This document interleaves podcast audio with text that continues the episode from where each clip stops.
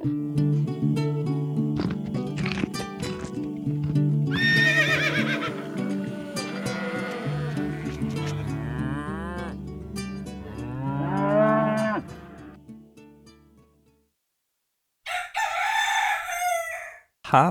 deisen. Halloen. Du, Mari. Ja, Har gnomen flytta ut av skinnet ditt? Av skinnet mitt. Yeah. Um, jeg vil si at han har pakket sine saker, og uh, nå eh, vurderer å begynne på hjemreisen tilbake okay. der Det- han kom fra. Det Er jo atskillig bedre enn det har vært. Ja. Fordi den siste uka så har du drevet med sånn bihulebetennelse. ja. Uh, og det er jo det er få ting som er så lammende som den der smerten der. Du, jeg har jo hatt prolaps i ryggen, og det er hakket mer lammende. Men um, uh, bihulebetennelse, i hvert fall en vond, vond bihulebetennelse, er jo helt forferdelig. Jeg har hatt en sånn passe vond, men ikke, ikke så ille som jeg har opplevd det før. Nei. Men det har jo selvfølgelig da involvert eh, mye sofa og au og vridning og soving. Ja, fy søren. Og det er jo Åh, det er jo veldig irriterende, da, fordi em, jeg var jo forkjølet uh, ganske lenge. Jeg var forkjølet hele tiden jeg var på ystekurs. Uh, jeg begynte dagen før jeg dro. Ikke så ille at jeg ikke kunne være med på kurset, men såpass ille at jeg var sliten hele tiden og måtte gå og legge meg etter at vi var ferdig med undervisningen og sånn. Um, og så på slutten av mot slutten av det kurset så begynte jeg jo da å bli friskere igjen og begynte å se enden i tunnelen. Og så kommer uh, bihulebetennelsen. Kapow! Eller Og så er jeg syk en uke til. Og det er jo blant annet grunnen til at det ikke kom noen podkastepisode forrige uke. Ja, det var ikke snakk om å bruke liksom, det lille overskuddet du hadde, til det. Så eh, Fordi det er mer enn nok av andre ting, ja. Eh. Em, vi våkna til snø i dag. Igjen. Ja Og jeg vil bare si det, at vinteren kan bare ha seg vekk. For det, har ikke tid. Nei. Nei, vi Nei, den eh, kan ikke komme helt ennå. Vi må vente. Eh, kanskje det aller viktigste er at jeg har en grøft å steinsette. ja. Det er himla vanskelig hvis det er frost. Og så skal vi jo stadig vekk eh, ut og inn av denne gården, da. Og da er det upraktisk at det er veldig mye snø. Ja. Det er for så vidt eh, Vi, vi klarte oss jo gjennom det i fjor. Eh, vi har Hva var det vi ble enige om? 600 meter kanskje med privat vei. Vi må håndtere sjøl. Eh, ja, vi driver ikke med traktor, men vi har en fin snøfres. Eh, så den sånn fine sånn, som går på belter og gjør greiene sine. Men har ikke vi òg fått et brøyteskjær nå? Jo da, på, til, til ATV-en. Eh, og det er jo eh, det, det blir spennende å få testa. Teorien hmm, er at jeg eh, kanskje kan gjøre eh, Gjøre liksom gr- grovskuffingen med den. eh, litt sånn det umiddelbare. Og så kan jeg gå over og ta kantene med snøfresen etterpå. Ah, ja. Det er det jeg håper at skal fungere. Men det, her er det jo flere ting som, som teller. Altså, okay, for det første ATV-en vår er en større ATV. Sant? En sånn sekshjuling.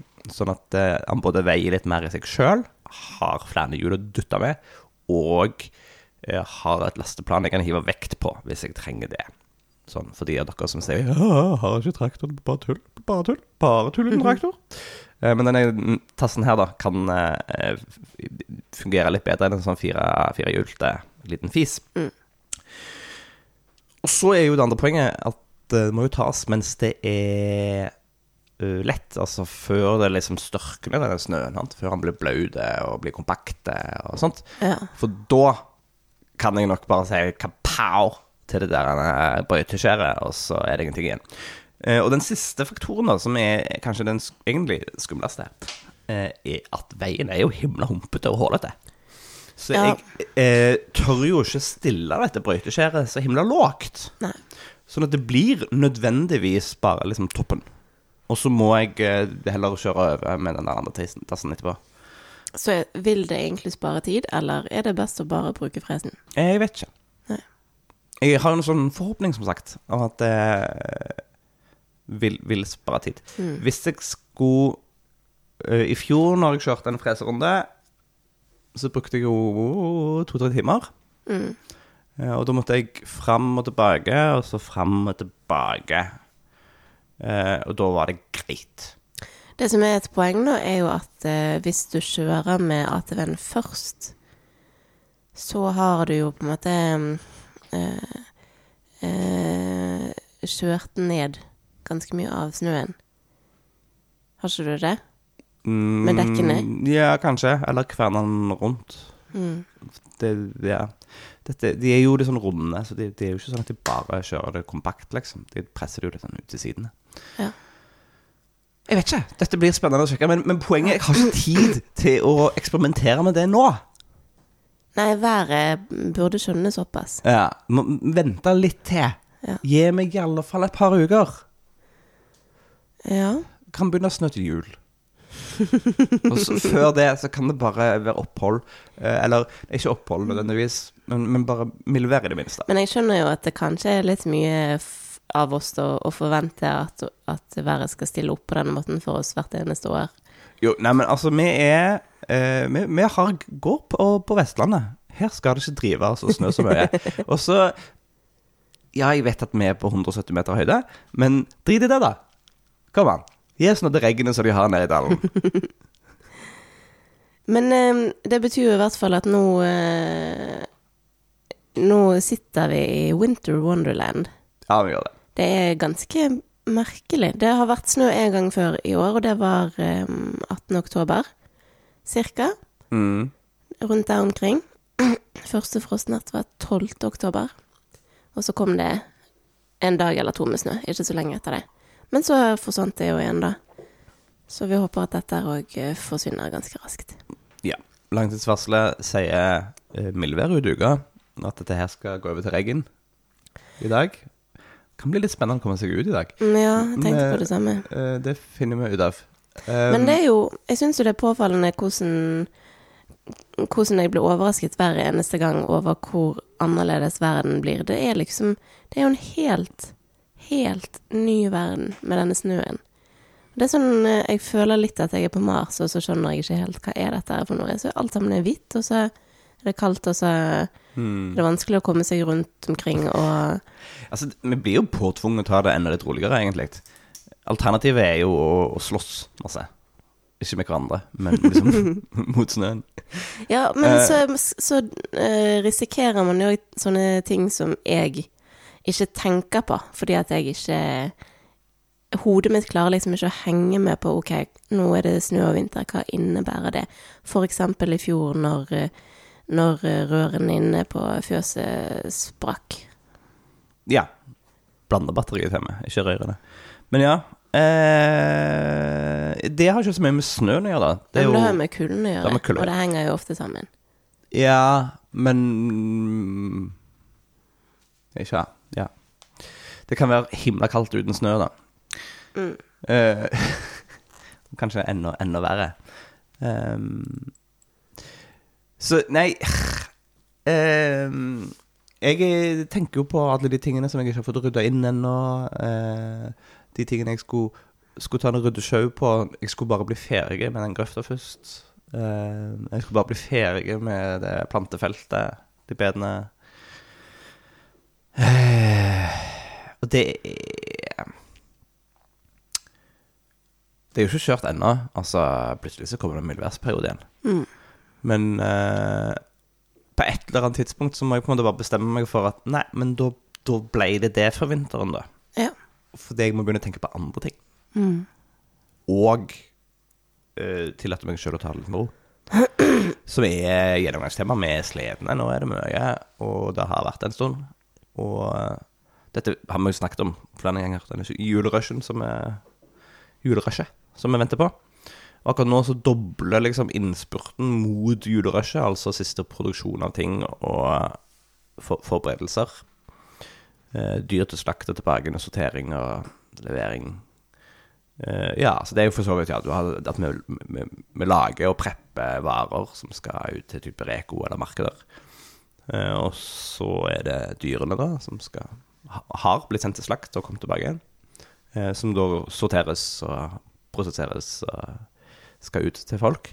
Og så er det jo da i tillegg det å bli klar for vinteren ute. Eh, og disse tre tingene krangler litt med hverandre, da. Mm. Det er, Jeg kan liksom ikke bare sette en støte ute, for det er ikke tid til det. Jeg må inn. I dag skulle jeg veldig gjerne Ja, for så vidt. Har sett litt på denne snøen. eh, men fortsatt med å få opp den der fòrhekken der og eh, veid noen sauer og eh, fått ut en eh, vær så de kan kose seg med og varme seg litt grann i slutten. Men eh, det rekker jeg jo ikke.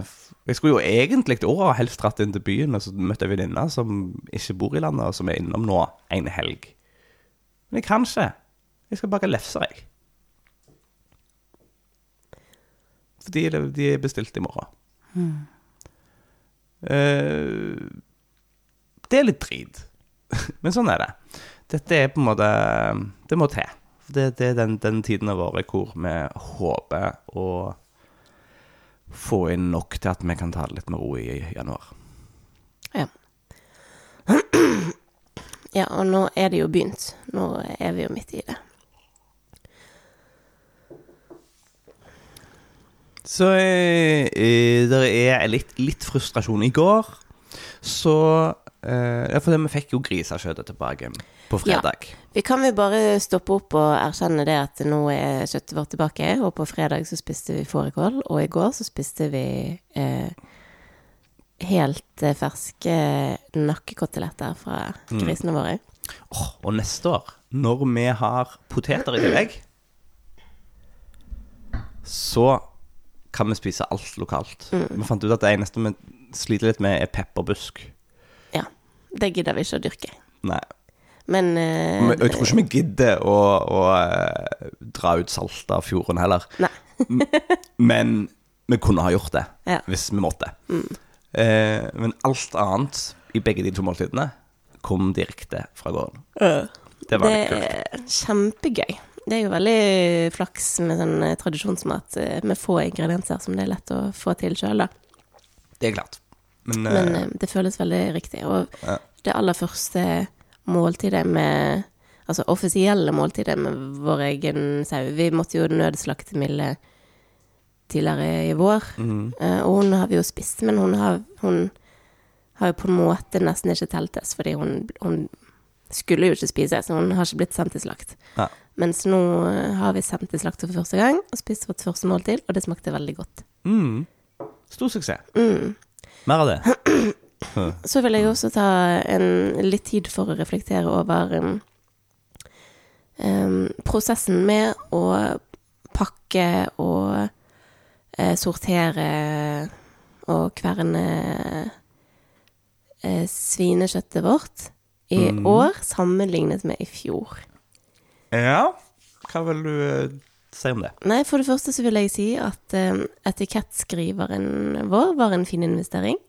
Ja, Det, den har fått kjørt seg denne helgen her. det har han. Men det ser, ser jo mye kjekkere ut med en gang. Det ser veldig mye kjekkere ut, og det er så utrolig behagelig eh, for min egen del å ha et skjema hvor alle stykningsdelene står, og det står akkurat hva de veier, og det står hvem som skal ha hva, og det er lett å summere, og Ja. så har vi det hvis meg- noen spør, ja, ja. eller hvis eh, Ja, eller når vi Eh, skal sende ut faktura, så vet vi akkurat hva vi skal fakturere for. Ja. Vi gikk gjennom hver enkelt eh, pakke og veide og skrev på hva det var.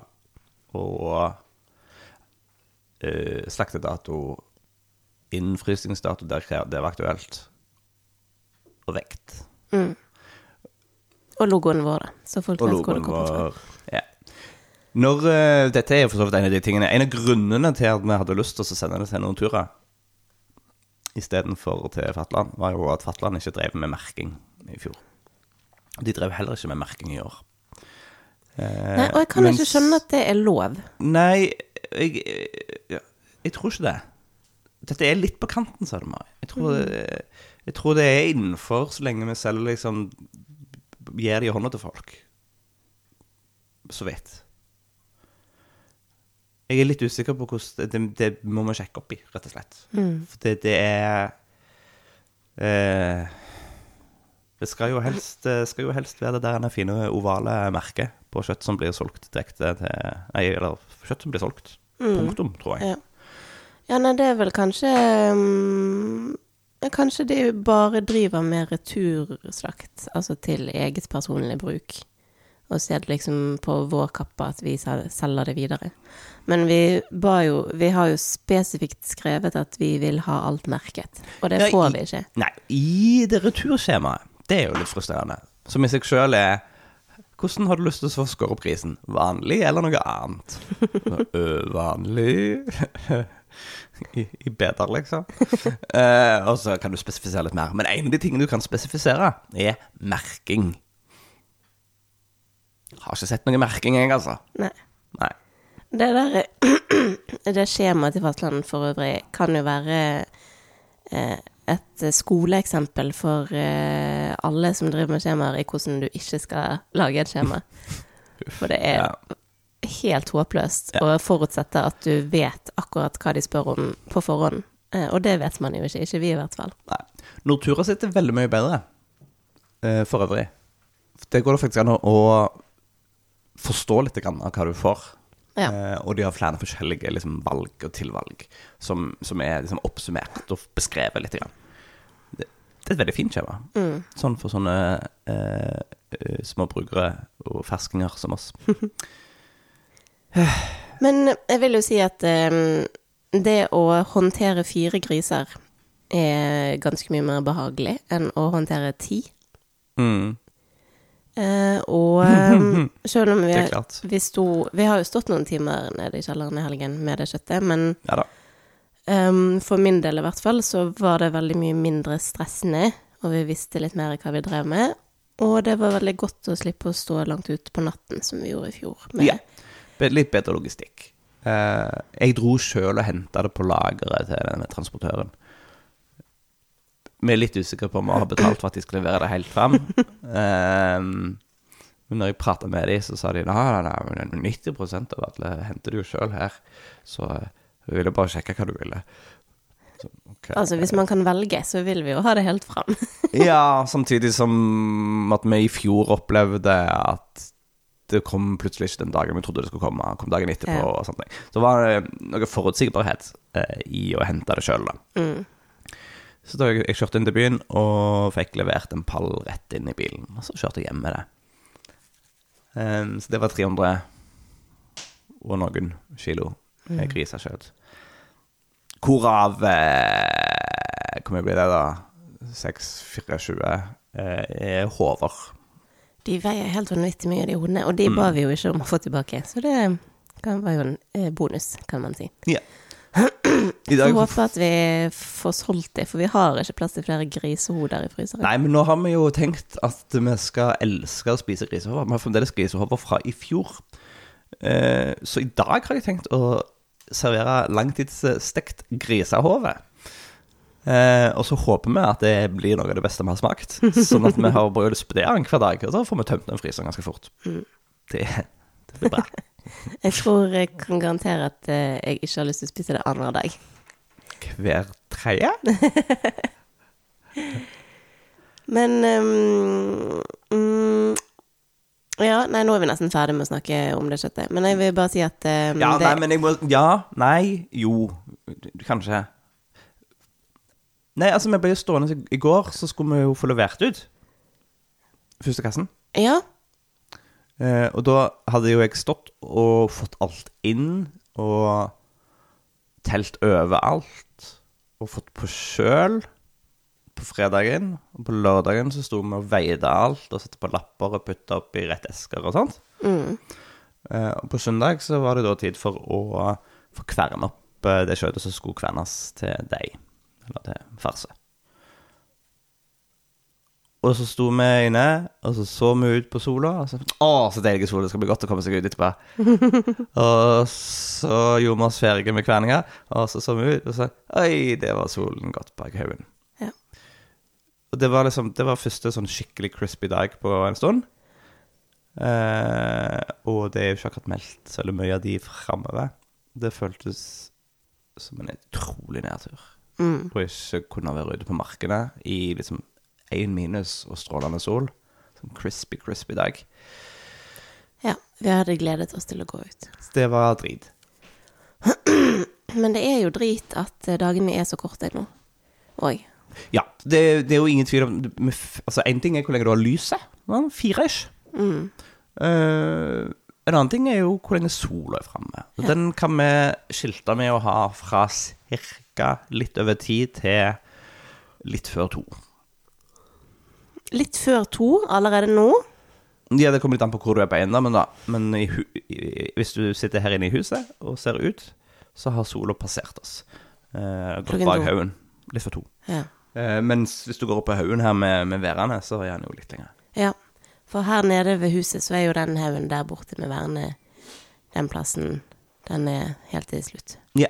Eller så kan, vi, kan gå på, på Nordåsen og, og eh, få ha litt lenger der.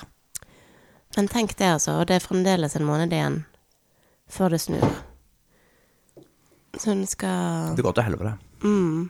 Ja, men det må vi jo bare huske på at det er Altså, med mindre du står pal midt i en kjøttdeigkverning som du ikke kan gå fra av Ja. matsikkerhetsmessige grunner, så eh, Og fordi at vi skal utlevere kjøtt like etterpå, Mm. så gjelder det å slippe det man har igjen, og gå ut Ja. eh, når det er sol. Rett og slett. Det, må- det, det må suges til seg. Du må sette på pause, så jeg kan gå og puse nesen. OK. Eh, straks tilbake, dere. Å, da var vi tilbake igjen. Yes. Woohoo! Suksess. Um, det har jo skjedd eh, Jeg føler det har skjedd en del ting, selv om jeg eh, har vært borte og har vært syk og ikke bidratt noe særlig. Mm. Um, ja, det som ikke har skjedd, er jo at vi ikke har fått grisunger ennå. Nei, der bomma vi altså, For det var jo full pøkings fem minutter etter at hun gikk av hengeren der med han råna. Um, men hun må ha vært helt til slutten av syklusen sin, da, rett og slett. Så det betyr at vi fremdeles går og venter, men de er jo veldig tydelig preggers begge to. Ja. Eh, det, det, det magemålet er litt sånn Det, det breier, seg, breier seg litt ut i sidene, selv om ikke sånn veldig mye, men lite grann. Og så er det jo disse pattene, da, eh, som er ganske løye å se på. Fordi eh, griser er ganske like folk. Så det er jo en rad med pupper som er klistra på under magen. Så det er liksom ti pupper bakover der. Som går rundt og slenger. Mm. Og så eh, et puppearsenal, rett og slett. Yes. Og så er det jo um, ekstra kosete, er ikke de? Jo, det syns jeg. Eh, kommer vi mat til de, så kan det jo fort være at de ignorerer maten og heller går på kos. Eller biting, eventuelt. Ja, du fikk deg en liten eh, nibbel, du. Det var så eh, raskt og eh, aggressivt. Men hva tror du altså, det var for å få deg vekk? At det var for mye? Jeg aner ikke. Eller var det For det, av og til så ville de jo prøve seg på en liten love nibble òg, liksom. Eller en liten sånn.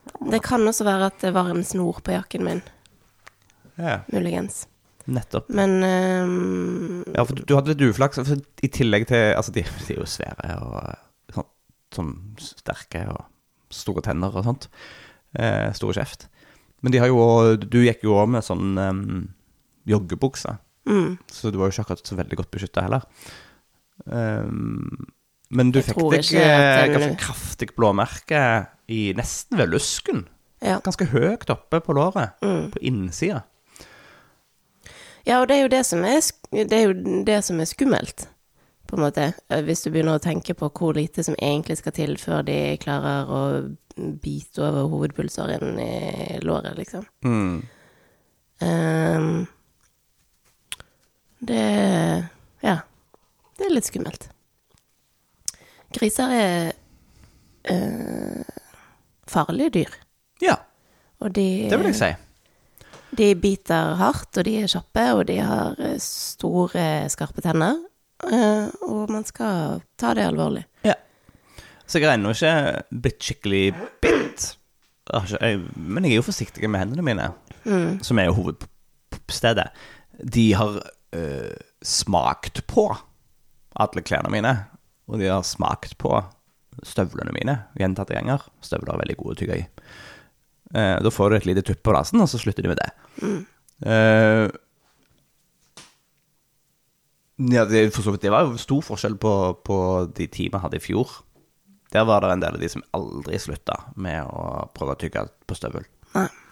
Mens eh, de som har vokst opp med oss, og vi har hatt hele tida nå, de burkene, de er liksom kan være litt nysgjerrige. Så bare flytter de på foten, og så finner de på noe annet å gjøre. Um, men ja, nei, jeg skal ha respekt for det, altså. Eh, det er mye muskler og mye vilje. Mm. Men jeg tenker jo, altså det, ja, Dette er jo en av de tingene jeg lurer litt på, sånn, med tanke på potensielt storfe på sikt. Jeg syns jo det er kjempeskummelt. Men eh, jeg hører jo at det på en måte er mye enklere å ha med å gjøre enn gris. Selv om de er enda større og høyere, tyngre og eh, Men ja. det, det Men det er, jo, det er jo to helt ulike dyr, da. mm, Gris er jo et rovdyr. Storfe er en stor sau. på en Ja. måte. bæ. Så um, de Ja, de kan være De har en stor masse, og det er veldig vanskelig å flytte på dem hvis, eh, du, hvis de ikke vil bli flyttet på. Og det kan være skummelt hvis de blir redde eller sinte. Men i utgangspunktet så er, så er de jo veldig rolige og snille. Mm. Ja. I hvert fall hvis uh... Ja, jeg, jeg går rundt Jeg har, jeg har veldig respekt for de, de store dyrene. Um, litt for mye, på en måte. Uh, for for det, da tror jeg tror det legger merke til at jeg er litt forsiktig. Uh, som gjør det vanskeligere. Sånn at jeg har jo tenkt det, at hvis vi på et eller annet tidspunkt skal tenke seriøst på å, å få storfe, så skal jeg finne meg en bonde å henge ut med Ja. og lære, lære ku. Og vi har jo funnet eh, Jeg fant jo en bonde som jeg ikke husker navnet på. Som eh, Lå, han nede i grøfta? Hallo! Som eh, driver på eh, etter omtrent akkurat samme verdigrunnlag som vi driver, da. Som jeg tenkte at shit, han, han der må vi oppsøke og huke tak i og lære alt vi kan av. Ja. Mens han fremdeles eh, driver. Hvor var det du fant han? Um, i, en, I et av disse bladene. Bondevennen eller et eller annet sånt. Ja. Hvor, hvor var han? Jeg sendte deg eh, en link til den saken for lenge siden, som du aldri svarte på. Så jeg vet ikke helt om du registrerte det. Vi skal Da- finne det igjen, og så må vi ta kontakt med han. Ja, dette er jo spennende, kanskje. Ja. Og det var sånn eh, Ja, jeg driver nå her på Vestlandet, da, og og eh, høy produktivitet er på en måte ikke målet, men målet er å bruke det vi har. Og da har jeg disse Jeg tror den er det vestlandsk furufe. Mm. Og, og tilpasser driften og produktiviteten ut ifra de rasene man har, og det ressursgrunnlaget man har. Mm. Og som mange andre vil kalle veldig tungvint. Men eh, ja ja, det var noe sånn de, det var sånn det var å drive her. Var på en måte hans Ja. take på det. Og det stemmer jo med virkeligheten mange Mm. steder. Men Men tilbake til alt som har skjedd. ja, hva annet er det som har skjedd? Nei, altså eh, Altså, du har vært på kurs. Da jeg var og- borte, Ja. og vi snakker om Jeg tenker at vi snakker om det ystekurset neste uke, fordi ja, ikke sant, for det var poenget mitt. Ja. At eh, vi, vi setter av litt egen tid til det. Mm, Så det kommer. Ja. Alle dere som har gått og ventet på Østekursepisoden. Det kommer. Men vi må også snakke om alt det som ble gjort i mitt fravær. For jeg føler jo at det var en helt vanvittig produktiv uke du uh, og Kjerstin hadde her på gården. Ja, jeg, jeg husker jo ikke så mye. Nei, altså, jeg bare fikk oppdateringer fra deg jevnlig hver dag, og du gjorde jo noe fra morgen til kveld. Og det endte med um, at dere dro på marked. Bondens marked på lørdagen Det stemmer. den uken, i Ja. Øystese. Ja, det var Og jo deadline. Og før det så var det jo masse produksjon av ulike ting på glass og karameller og pakking av gaveposer og Ja, altså det var jo egentlig eh, stort sett liksom sånne van- vanlige driftsting det gikk i. Eh, nå er vi jo i sesong, så da lager vi karameller. Og vi pakker karameller. Og det har vi snakket om før, og vi kommer til å gjøre det igjen. Pakking, pakking av karameller er noe drit. Eh, det tar så mye tid. Eh, nei, hvor mye er det vi får? Hvor mange karameller vil han slå? 12? Nei, 300? Nei, mer enn det. Av en, eh, Av en, av en runde, liksom. Seks. Ja, hvis vi har gjennomsnittlig 25 poser da, på en runde, og det er gjennomsnittlig 21 karameller i hver pose, Er det det som er gjennomsnittet? Jeg elsker det. okay, ja, så det er 500. så er det ja, 500. Eh, så hver av de skal jo da selvfølgelig skjæres opp eh, og puttes på papir, og så tvinnes. Sånn at du kan tvinne den opp igjen og spise den deilige karamellen eh, uten at den har klistra seg fast i alle tingene den ser på. Det tar så mye tid. Eh, når jeg prøvde å gjøre det alene forrige uke, når du var vekke, så brukte jeg fire timer Sjøl om jeg hadde hjelp av Kjerstin den siste halvannen timen. Mm. Eh, I går så sto vi alle tre. Da fikk vi hjelp. Eh, så da var vi tre stykker på hele prosessen. Og da mente du at vi hadde brukt halvannen time? Ja, det var bare gjetning. Det var bare gjetning. Men det vil jo igjen da si Hvis det var halvannen time, så er det fire og en halv time arbeidstid. Mm. Men det gikk jo Altså, i går gikk det jo fort som en lek, syns jeg. Sånn sammenlignet med hvordan det har gått tidligere. Fordi at da, da kan man ha én som står og skjærer, og to som pakker, og så går det bare. Hvis du eksempel skal være helt aleine, så eh, må du jo hele tiden ta en, en pause mellom de to operasjonene og stoppe opp, og så Ja, nei, det jeg gjorde da, var at jeg eh, kutta alt. Jeg hadde stå, stående på sånn voksepapir, sånn at det ikke glistra. Og så uh, snurra jeg alt. Eh, for da jeg, kunne jeg bruke klype. Altså plukke opp karameller, sette på papir. Og så, ja, for så la jeg opp ti stykker, da, og så fant jeg de. Så var de fine. Og så, når det ble fullt i skålen, så tok jeg og fulgte opp eh, noen poser. Og så fortsatte jeg sånn. Mens hvis du er to, så vil jeg jo da tenke at eh, det går mer enn dobbelt så fort Det tror fra jeg. én til to, fordi at man slipper å hoppe mellom de ulike oppgavene. Ja. Ja, ja. Altså, den karamellen blir flytta en gang ekstra når du er alene. Men jeg syns jo det er litt koselig, da. Altså I går- Når vi lager karameller for femte gang denne sesongen, så kan det være at jeg sier noe annet. Men, eh, Mm. men jeg I går syns jeg det var trivelig. Ja, du juksa og heiv på julemusikk. Og det er altså ikke blitt advent ennå. Selv om du men- men- mente at det kanskje skjer neste helg. Det, det, det forstår jeg ikke. Det er litt sånn som den vinteren. Kan, kan, kan dere ikke bare vente litt? Jeg er ikke helt ferdig med disse tingene her borte. Det er veldig frustrerende. Men samtidig gleder vi oss jo til jul. Ja, men jeg har noen ting jeg trenger å bli ferdig med. Og de kan jeg ikke bli ferdig med hvis det er frost. Så jeg er litt spent på hvordan vi skal forholde oss til akkurat det. Ja. Men eh, jo, ja, nei, for det jeg gjorde da ved siden av Etter å ha stått inne og bakt lefser eller ordna med karameller eller pakka til Reko og, og gavepakker og sånne ting. Det er jo for øvrig hot tips. Ta to-tre forskjellige produkter, putt i en cellofanpose. Selger mye bedre med en gang. I hvert fall nå i november-desember. Jeg vet ikke hvordan det funker resten av året. Nei, det kan du si. Men det er veldig bra. Og, og sånn eh, Disse to produktene henger sammen, så hvis du kjøper de begge to, eh, så får du de til en lett rabattert pris. Funker som bare det. Så vi driver med eh, sulta dobbel. Eh, jeg foreslo å kalle det en sur duett. Det fikk jeg ikke lov til. Men det er da sulta mangold og sulta agurk. Som kommer på samme type glass. Som vi da har bundet sammen, rett og slett. Det ser veldig fint ut, den der røde mangolden med den grønne sylteagurken. Mm, det ser kjempebra ut.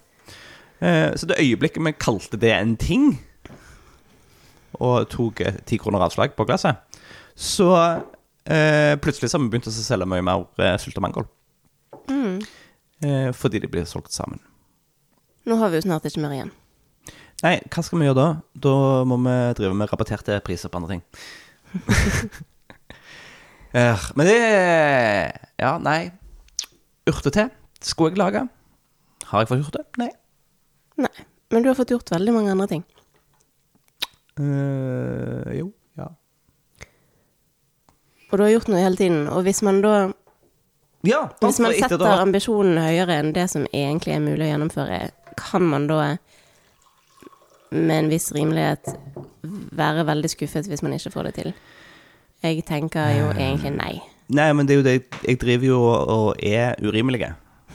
det, er jo, det er jo det jeg driver med. Men um, har ikke du lyst til å si litt om markedet, da? Jeg kan si litt om markedet. Uh,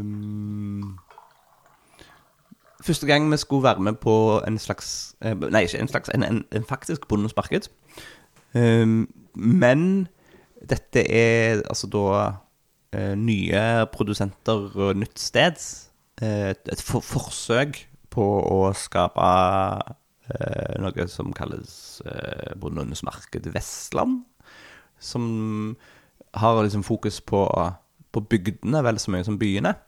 Eh, Ja, for det har jo vært Bodens marked i Bergen jo, i ganske mange år. Ja, og hva var det de sa? Sogndal og eh, Voss og oh, ja. Eller kanskje ikke Voss, jeg husker ikke. Det er flere steder. Førde, tror jeg kanskje. Førde. Ja, det høres rett ut.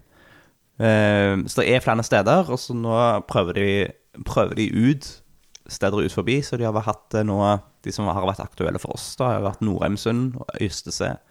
Uh, og så skal det være på Kvamskogen.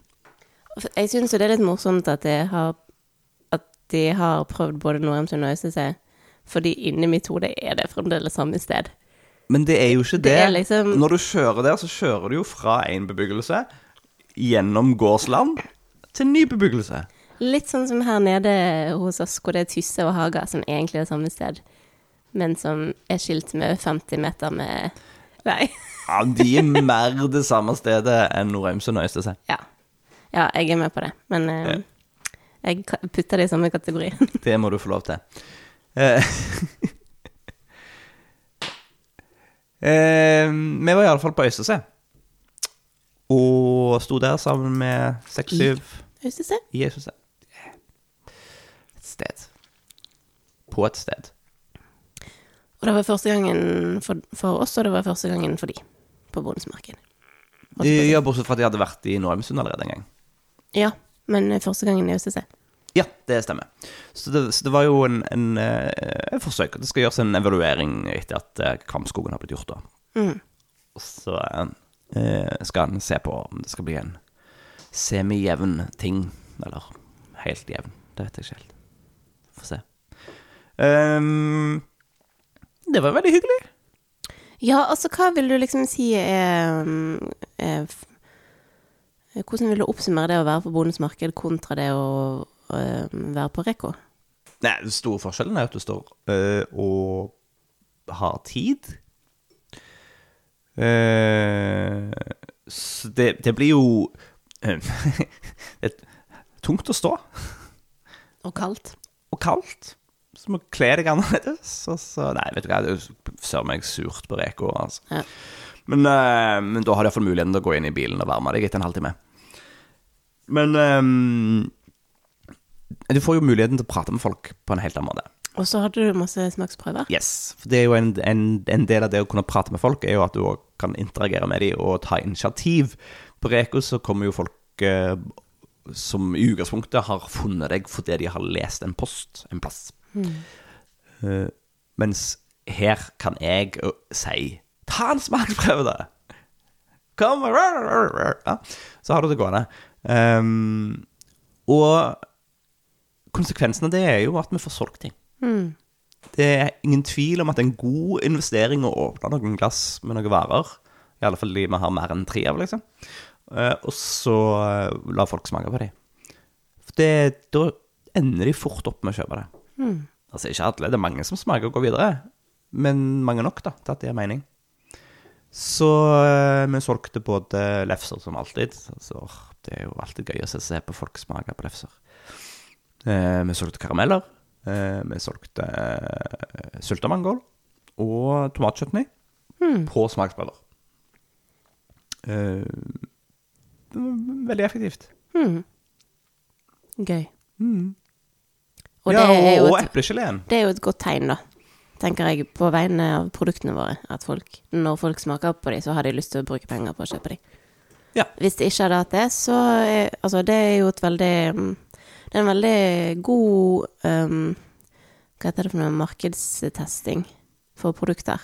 Mm. For hvis du har smaksprøver, da, og mange smaker, og få kjøper, så er jo det mm, det beste tegnet egentlig på at her må noe endres. Ja. Det er sant. Og det får man jo ikke. Man får jo ikke den der umiddelbare tilbakemeldingen på Reko. Nei. Det er helt sant. Vi hadde med oss uh, ei gryte med toddy. En, eh, det, det vi kaller en høstsaft. Lagd på plommer, rips og hyllebær. Eh, som svigermor har uh, troppet opp med. Det er veldig hyggelig. Den er veldig god. Vi fikk solgt fem kopper. Så der hadde jeg eh, Der brukte jeg opp eh, to og en halv flaske med råflotte saft på øh, ganske lite. Jeg tror, ja, Så inntektene dekka liksom litt over ei flaske i utgifter. Eh, altså til, tilsvarende om noen skulle ha kjøpt ei flaske. Ja. Eh, men vi fikk et saftsalg som følge av det. Så det var jo fint. Mm. Eh. Nei, men det var jo ikke så mange som var interessert i å kjøpe varm drikke. Nei, og dette, du, det er interessant. Eh, eh, nei, altså, hva folk er interessert i å kjøpe? Mm. Det er helt tydelig at vi var i fruktland. Det, det var jo ingen som ville ha eh, gelé eller eh, eplemos eller saft. Ja. Eh, det var jo ikke interessante produkter, det. De hadde det jo sjøl. Lagde det jo sjøl.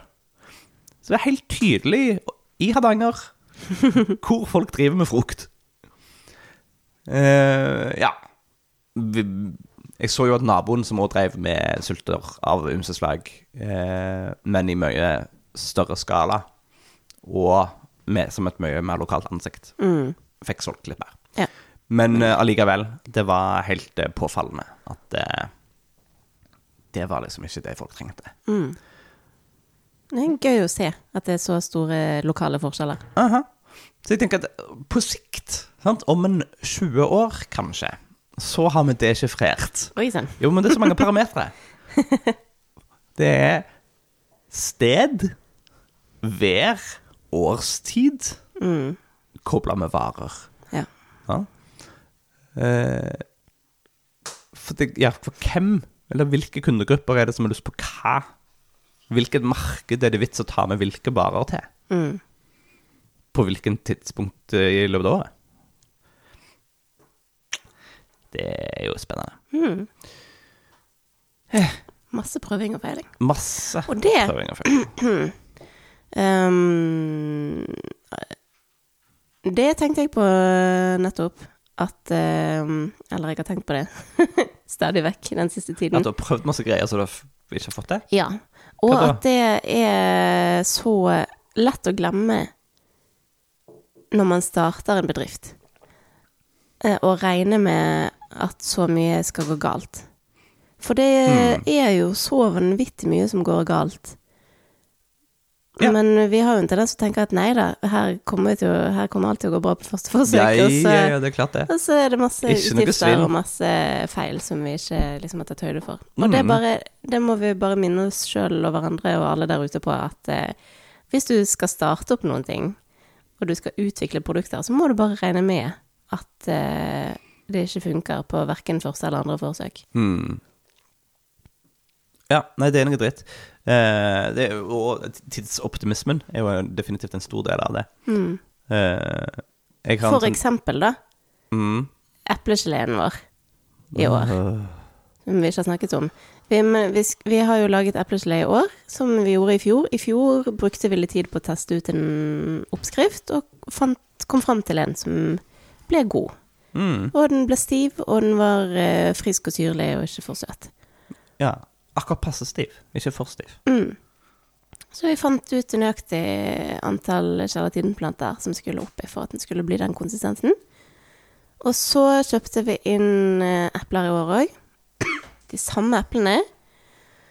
Eh, og lagde litt mer til og med, fordi nå visste vi jo hva vi drev med, og vi skulle få litt mer valuta for eh, arbeidet.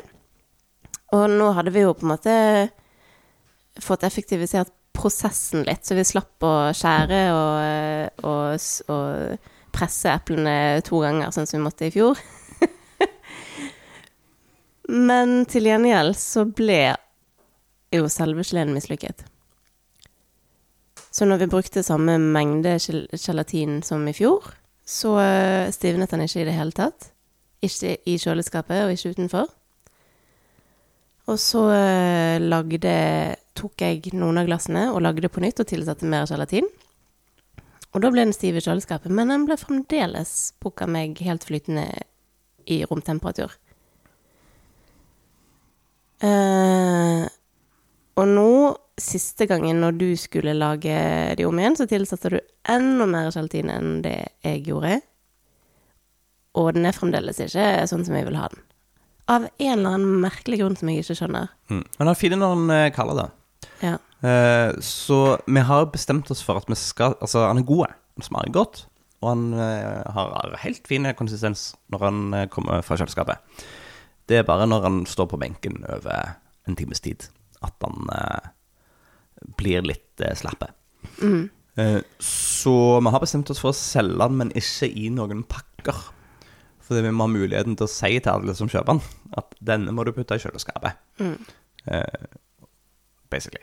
Ja, men det er liksom eh, Det, det er jo litt irriterende, og så er det litt eh, dumt at eh, eh, salgene forutsetter at vi må huske å si det til alle kundene, sånn at de eh, ikke blir skuffet, da. Det er jo det det handler om, forventningsstyring. Um, det mest irriterende er at jeg skjønner ikke hvorfor. Altså, hva er mekanismen? Hva, det er, er noe det- kjemisk her er som gjør at dette ikke så funker. mye eh, gelatin i at den uh, burde være stiv, Mm. for å si det sånn.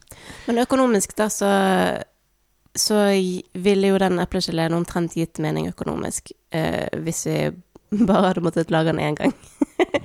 altså, når vi, når vi smukket ut uh, 80 glass, eller hva det nå var, den dagen, og regnet på tidsbruken, så, og satte en pris, så ga den prisen Eller da, da ga det arbeidet mening. Da var det verdt det. Men når vi da må lage den om igjen to ganger, så um, faller jo på en måte det regnestykket i grus. Og sånn er det med veldig mange ting. Enten så har vi måttet lage ting om igjen, eller så har vi måttet bruke ekstra tid, eller så har vi ikke kunnet solgt det i det hele tatt fordi et eller annet har gått galt. Og det eh, må man egentlig bare regne med. Ja. Og at alt tar veldig mye lengre tid enn en tror. Mm. Det husker jeg eh, vår praktikant eh, Sigrid sa. Det var veldig fint. Planla aldri mer enn tre prosjekter på en dag. Hun gjorde ikke det? Nei. Nei. Og det tenker jeg at det, har en tendens til å vise seg at det stemmer. Mm. Selv om et av de prosjektene er veldig lite. Eller to av de, eller tre, alle tre kanskje. For ting har en tendens til å, å vokse. Mm. Eh, Så det er bedre å ha liksom bonustid i andre enden. Ja. Og så er det noe med å ikke tenke på for mange ting òg i løpet av en dag. Og ha rom til å fokusere på det man gjør. Ja. Det er ikke så lett. Eh, og hovedgrunnen til at jeg kneler en gang iblant. Er at du ikke klarer å tenke på én ting om gangen. Eh, og akkurat nå eh, er det liksom mange nok ting Og jeg ser for så vidt selv Jeg ser jo slutten av et par av de, bortsett fra at nå kommer den der snøen og frosten og sånt, som det fucker opp stemninga. Men eh, eh, akkurat nå er det jo sånn at jeg, jeg sliter med drømmer. For jeg klarer ikke å skille imellom arbeidet de drømmene bringer med seg, og det arbeidet jeg trenger å gjøre nå. Eh, ja, det syns, det syns jeg er vanskelig å sortere. Så det er ikke så bra. Men jeg vet jo at det går over. Det er jo hele poenget. Vi, vi er i en sånn intensiv periode nå. Det skal bli bedre. Ja. Eh, og vi er i en intensiv periode nå for at vi skal kunne virkelig strekke ut beina etterpå. Og på denne dagen om en måned så um, har vi fri. Ja. Da er vi ferdige med siste reko før jul. Så nå gjelder det bare Jo, jeg har vaska masse ull. Ja, det har du. Eh, egen, egenklipt ull. Jeg har vaska Putt og Fride og eh, Kine. Og de skal bli til engler, tenkte jeg. Mm, det som ikke skal bli til garn. Ja, vi må nok slåss litt om det. For jeg har begynt å spinne garn av putt, og det ser ut til å bli veldig bra. Men, men han er så nydelig sølvgrå og må bli engel. Ja.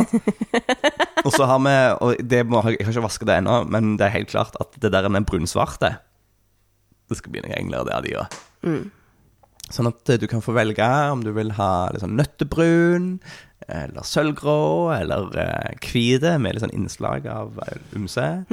Eh, eller eh, svart engel. Kanskje du kan få en pakke med tre forskjellige farger. Det skal jo overraskende lite ull til for å lage et garnnøste, da. Så eh, jeg ja, tror det er nok til men det skal ganske mange til sånne nøster til for å strikke noe fornuftig. Men jeg, jeg tror det er nok ull til at vi begge skal få det vi har lyst til. Det tror jeg òg. Jeg klarer ikke helt å se for meg at jeg trenger å lage 50 engler. Jeg tok jo med meg håndkarene og den der eh, rocken til eh, Aurland. Ja, Det føler jeg er ganske nerdete. Jeg skal dra på østekurs, så jeg tar med meg rockene mine. Og så, og så um, Jeg bodde jo på internatet på skolen der, og uh, hadde et veldig koselig rom med, med rocken som sto ved siden av sengen, og hadde gledet meg sånn til å nyte alle kveldene med spinning og karing, og, og det å eh, nyte utsikten, den mørke utsikten, for det var jo blitt mørkt da, men um, utover gårdsplassen på uh, skolen der. Uh, og jeg fikk gjort det den første kvelden. Men etter det så var jeg jo såpass syk at jeg ikke orket noe annet enn å ligge i sengen. Ja. Så det var jo litt surt. Jeg fikk ikke, fikk ikke den der eh, koselige tiden, produk, koselige produktive tiden som jeg hadde sett for meg. Nei. Men sånn er det. Av og til blir man syk. Mm. Og jeg er jo glad for at jeg ikke måtte dra hjem. ja. Flaks. Ja.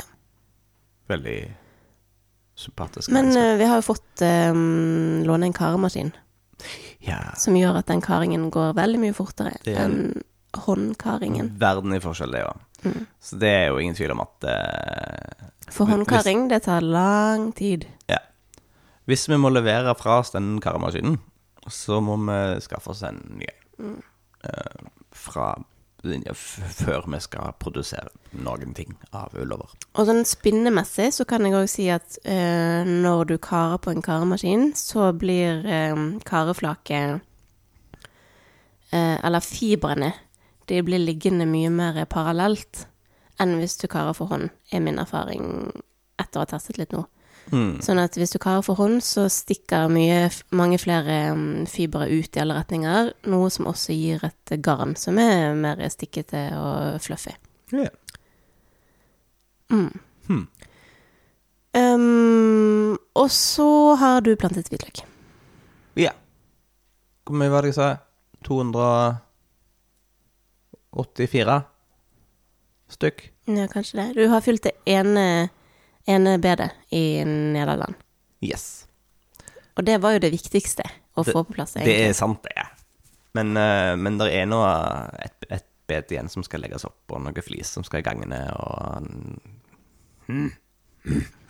Men eh, jeg, jeg fikk nå iallfall det, ja. Jeg fikk uh, fiksa ferdig det ene bedet, og, og hvitløksfedene kom seg nedi. Eh, sånn at eh, da har vi jo faktisk starta på dyrkesesongen til neste år. Det er gøy! Det er litt crazy. Mm. Um, mm. Oh, nei, jeg har, uh, jeg har ikke lyst til å tenke så mye på den hagen nå. Det er så mye å gjøre. Um, og, mer, og jeg ser mer og mer blir dytta til våren, og så blir det sånn seig start på våren igjen. For da skal vi jo plutselig gjøre alt samtidig som det er lamming og galskap. Altså det Men herlighet, det blir jo en Det er jo milevis av forskjell mellom våren i år og våren til neste år.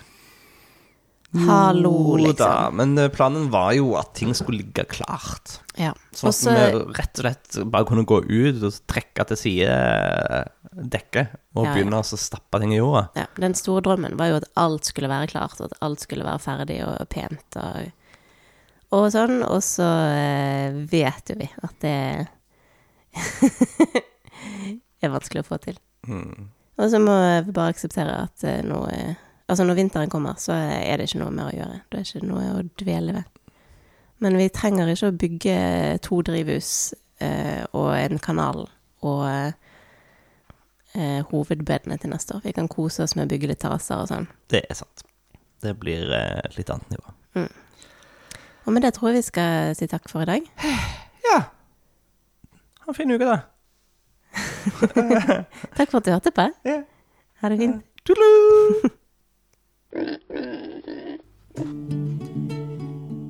Tusen takk for at du har hørt på Gjengevold pludrekast. Hvis du har en tilbakemelding på podkasten, så blir vi kjempeglad for å høre fra deg. Er det noe du syns vi skal snakke mer om, eller noe vi bør snakke mindre om, så kan du sende oss en melding på e-post på hallo.krøllalfa.gjengevold.no. Du kan også komme i kontakt med oss på Facebook på Gjengevold mangesysleri, på Instagram ett mangesysleriet, og på nettsidene våre gjengevold.no. Vi setter utrolig stor pris på å høre fra deg, og vi blir ekstra glad hvis du har lyst til å dele denne podkasten med en venn.